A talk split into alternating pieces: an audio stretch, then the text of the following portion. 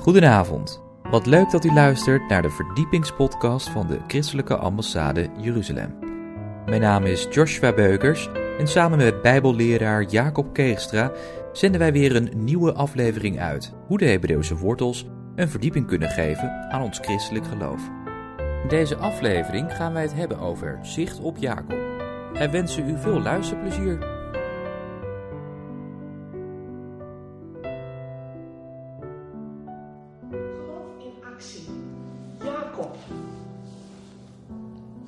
Zicht op Jacob.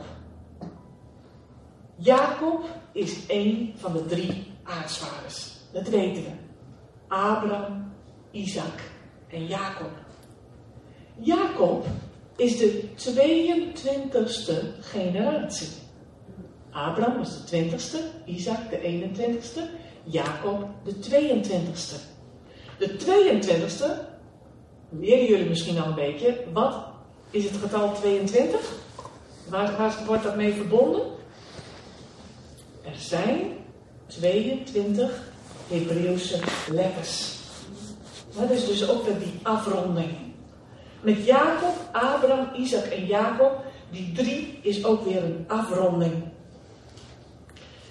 Jacob heeft het net al een beetje genoemd. Jacob komt van het Hebreeuwse woord ekef, wat betekent hiel.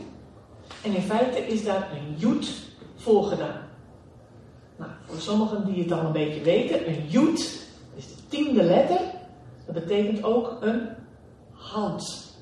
Dus als je de joet voor de ekef, voor de, en samen voor Yaakov, betekent dus een hand aan de hiel. En dat weten we ook. We weten ook uit de verhalen, uit de Bijbel, dat Jacob Esau de hiel heeft vastgehouden. En tegelijkertijd hebben wij ook in het Nederlands het woord lichter, Wat eigenlijk niet zo'n mooi woord is. En dat zien we ook terug eigenlijk in het hele verhaal, in de geschiedenis van Jacob. Jacob was een oprecht man. Hebben we net ook, Jacob voorgelezen in Genesis 25. En toch is er steeds het bedrog om de zegen. Hij vlucht naar Bethel, waar hij naar Oom gaat. En daar wordt, komt het opeens weer terug, wordt hij zelf bedrogen. En Lea en Rachel worden verwisseld. Totdat Jacob ook terugkeert. En voordat hij Canaan inkomt, strijdt hij met God. Jacob heeft twaalf zonen. Wat natuurlijk terugkomt in de twaalf stammen.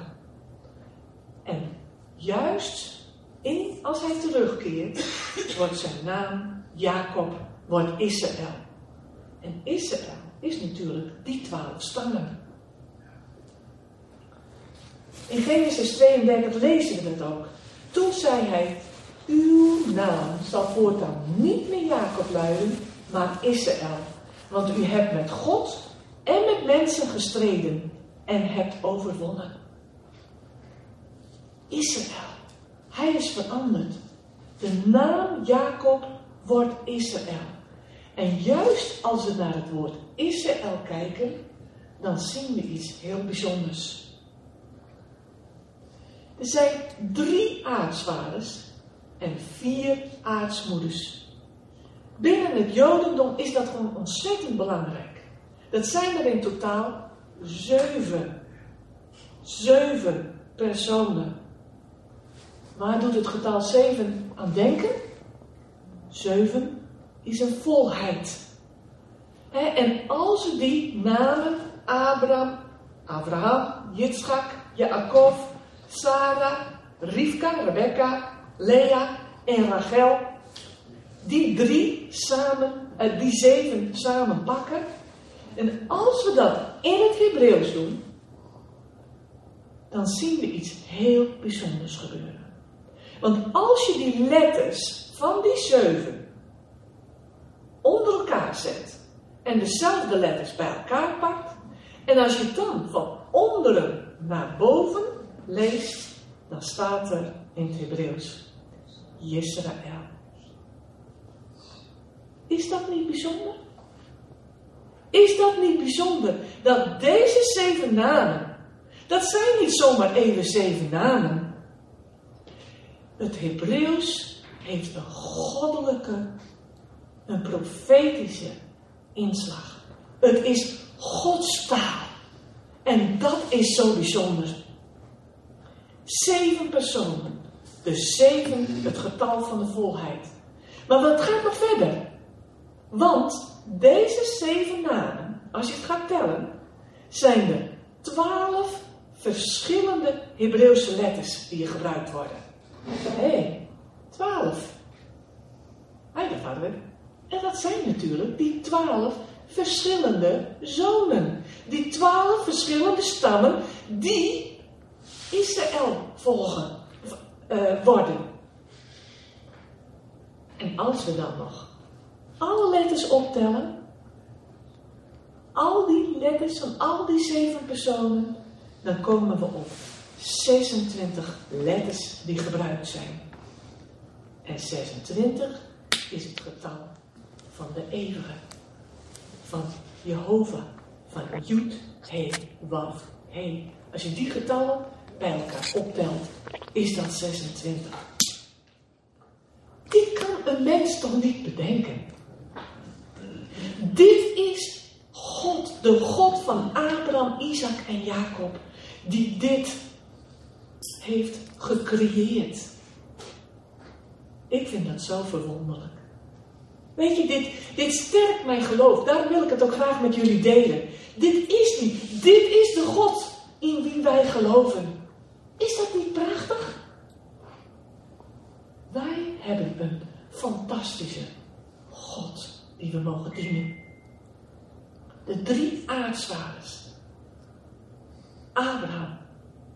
En Abraham is ook het beeld van de Vader. Van God de Vader. Abraham, wat betekent immers dat hij de vader van vele volken zou zijn. Abraham, af, hè? Abba zit er alleen. Isaac. Isaac die werd geofferd, maar op het laatste moment niet meer. Is, dit, het beeld van de zoon.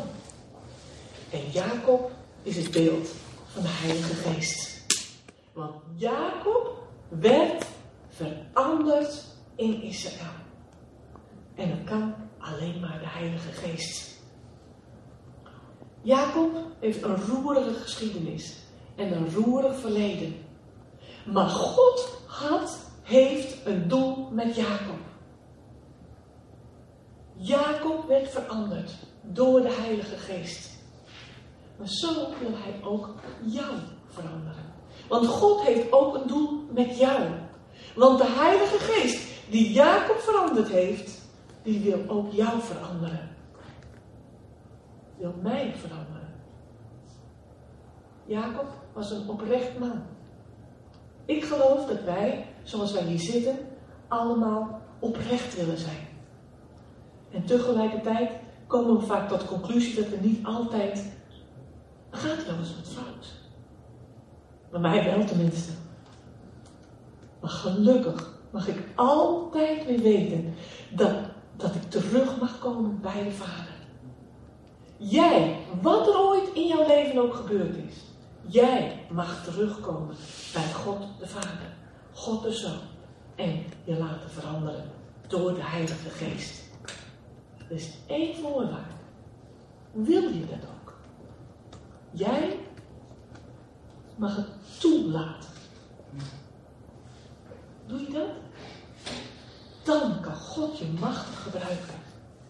Dan wordt je geloof in actie omgezet. We zijn aan het einde gekomen van deze podcast van de ICEJ. Waardeert u onze podcast? Steun ons dan. Dat kunt u doen door een donatie of door deze podcast te delen met uw vrienden of familie.